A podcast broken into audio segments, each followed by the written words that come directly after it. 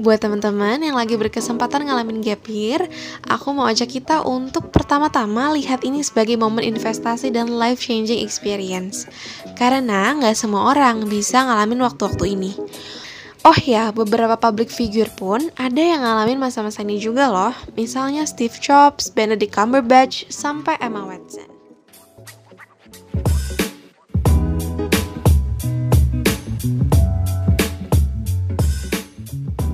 Halo sahabat Benny, selamat datang lagi di podcast Beneran Indonesia Sebuah podcast yang akan menolong kamu jadi anak Indonesia seutuhnya Dan mengembangkan diri sepenuh potensi untuk membangun Indonesia jadi lebih baik.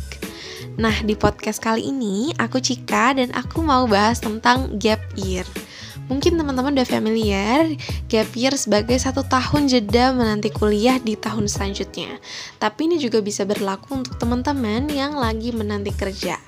Jadi yuk langsung kita bahas aja. Buat teman-teman yang lagi berkesempatan ngalamin gap year, aku mau ajak kita untuk pertama-tama lihat ini sebagai momen investasi dan life changing experience. Karena nggak semua orang bisa ngalamin waktu-waktu ini. Padahal dalam siklus kehidupan yang berjalan begitu cepat, ada kalanya kita sebagai manusia butuh waktu untuk berdiam sejenak, berefleksi, dan mereorientasi lagi pilihan-pilihan kita terhadap tujuan hidup kita. Meski memang kalau waktu rehat sejenaknya sampai setahun, terasa sangat lama dan tentunya butuh perencanaan yang matang.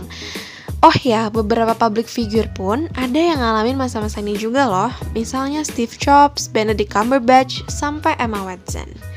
Yuk kita langsung masuk ke tipsnya. Yang pertama, harus diakuin lingkungan bisa turut memberi pengaruh terhadap sikap hati hingga persepsi kita tentang gap year ini sendiri.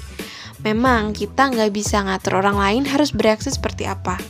Nada-nada yang terkesan meragukan bisa aja menghampiri. Tapi penting untuk kita pertama-tama meyakinkan diri dan keluarga terdekat. Coba tulis apa aja kegiatan yang kamu rencanakan ambil selama satu tahun. Bikin gambaran besar, lalu turunin ke rencana bulanan dan jadwal harian. Bagiin itu juga ke orang tua atau orang-orang terdekat. Tanya mereka kalau ada saran atau masukan untuk mempertajam rencana kamu ke depan.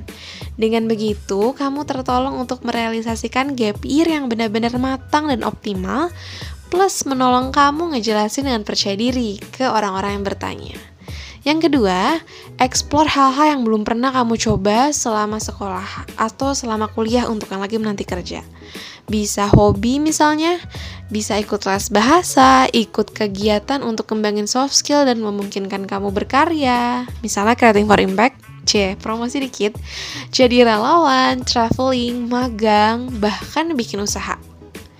Yang ketiga, Gak salah loh untuk teman-teman tanya sama senior atau teman yang udah kuliah apa aja skill yang mesti disiapkan? Atau kalau bisa lebih spesifik minta referensi dan materi di jurusan yang udah kamu incar atau nantikan.